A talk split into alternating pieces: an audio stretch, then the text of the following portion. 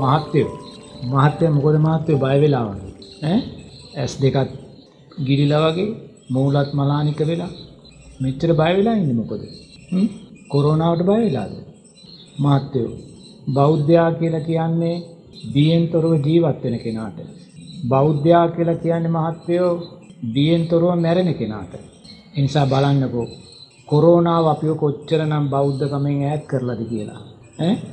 පසුගිය කාලෙ පුරාවට මහත්ව මහත්‍යය කොච්චර පින්කං කරපු කෙනෙ දිගල බලන්නකෝ දානමය පින්කං කොච්චර කලාද සීලමය පින්කං කොච්චර කලාද බුද්ධ පූජාමය පින්කං කොච්චර කරලා තියෙනවාද? අප්‍රමාණ පිරිස් එකතු කරගෙන කොච්චර නම් පින්කං කරලා තියෙනවාද? මාතව කෝ මහත්තව ඒ පින්කම් වල ශක්තිය? කෝ මෙච්චර කාලයක් පංචසීලය ආරක්ෂා කලා නේද?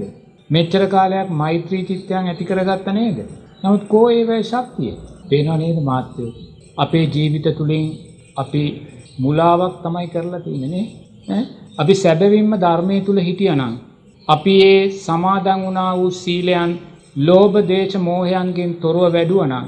අපි වැඩුවා වූ මෛත්‍රී චිත්තයන් ලෝබදේශ මෝහයන්ගෙන් තොරව වැඩුවනං.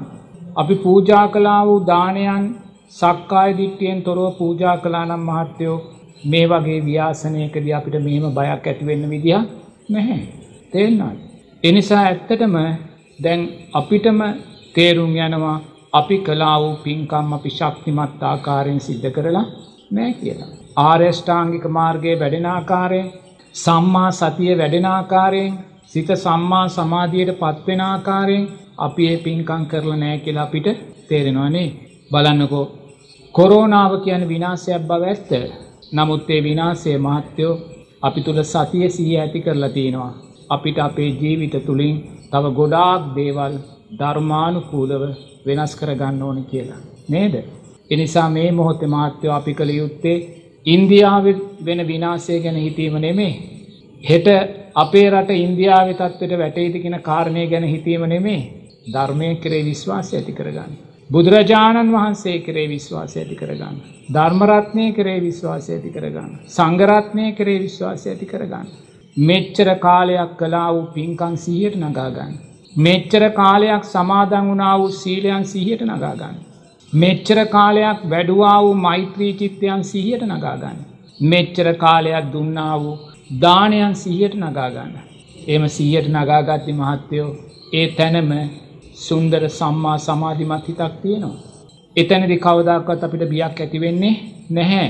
මොකද බුදුරජාණන් වහන්සේ අපිළඟ ඉන්නවා. ධර්මරත්නය අපිළඟ ඉන්නවා. උතුම් සංගරත්නය ආසිරිවාදය අපිට තියෙනවා. ඒ විතරක් නෙමේ. අපි ජීවිත කාලය තුළ කලා වූ ඒ සියලූම කුසල් ධර්මයන්ගේ ශක්තිය අපේ ජීවිතය ඉස්සරහ තියෙනවා. එනිසා මාත්‍යව අපිට බයක් ඇතිවෙන්නේ නැහැ. එනිසා නැවතත් හිතන්න බියෙන් තොරව ජීවත්වෙන පුද්ගලයාටයි බෞද්ධයා කියල කියන්නේ.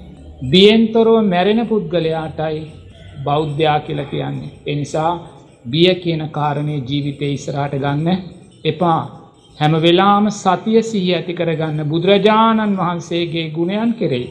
උතුම් ධර්මරත්නය ගුණයන් කෙරේ සංගරත්නය ගුණයන් කෙරේ සතිය සී ඇති කරගන්න.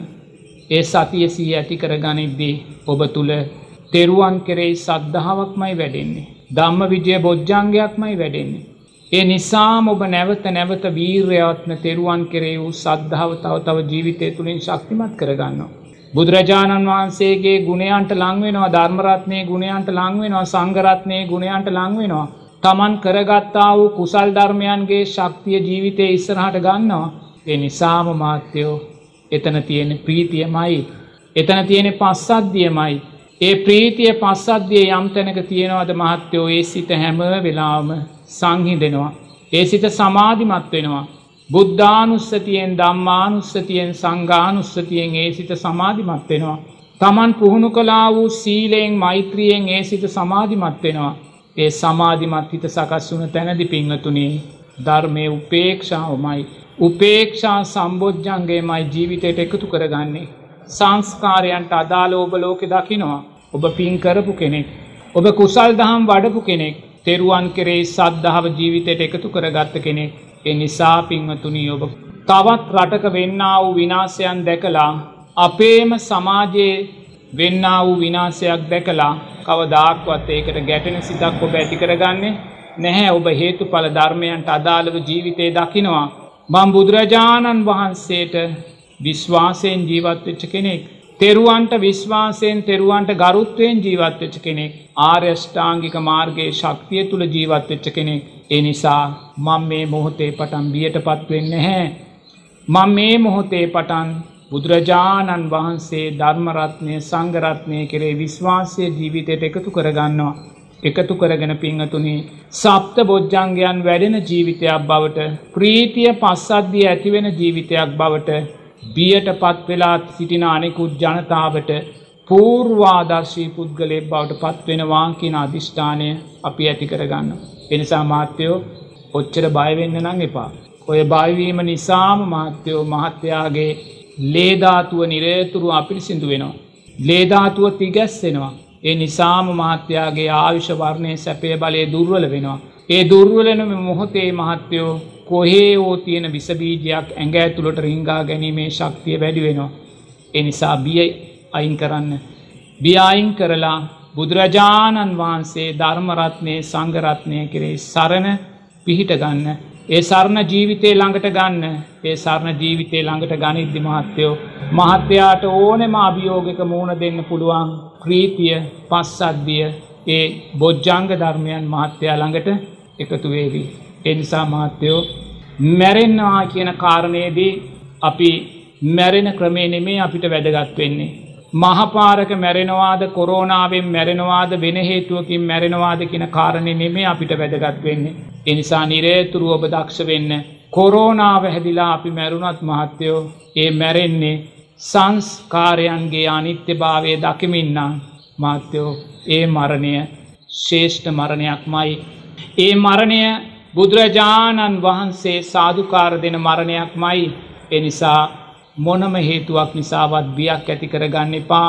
අතීත අකුසල් සංස්කාරයක් විපාගෙට ඇවිල්ලා අපිට සිද්ධ වුණොත් කොරෝනාව හේතුවෙන් මිය යන්න මහත්තයෝ ඒ අවසාන හුස්ම පොද අපි පිට කරද්දී සියලු සංස්කාරයෝ අනිත්‍යයි කියලා දකිමින් ඒ හුස්ම පොද පිට කරන්න. ඇබැයි ඒ මොහොතේ ඔබ දක්ෂ වෙන්න ඕනේ.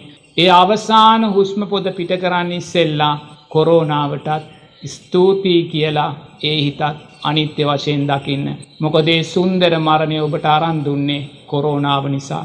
එනිසා බිය බැහැර කරලා ධර්මය ශක්තිය ජීවිතයට එකතු කරගන්න ඒ ධර්මය ශක්තිය තුළින් කුමක්කෝ අකුසල් සංස්කාරයක් අපේ විපාකට එන්න තියෙනවනං ඒ අකුසලේ යට පත් කරලා පිංවතුනී පිංවතුල්ලාගේ ජීවිතවලට සුන්දර සප්ත බොජ්ජංගයන් වන ප්‍රීතියත් පස්සද්ධියත් ඒ වගේම සමාධියත් ඇලීම් ගැටීම් මොලින් තොරවලෝකය දකින සුන්දර උපේක්ෂාවත් ඔබේ ජීවිතයට එකතුවේවි තෙරුවන් සරණ. දම්රස වෑහෙන අමාදම් මිහිර මහරහතුන් වැඩිමඟ ඔස්සේම ධර්මය දකින ධර්මය දේශනා කරන පූජනීය රාජගිරියේ අරිය ඥාන ස්වාමීන්ද්‍රයාණන් වහන්සේගෙන්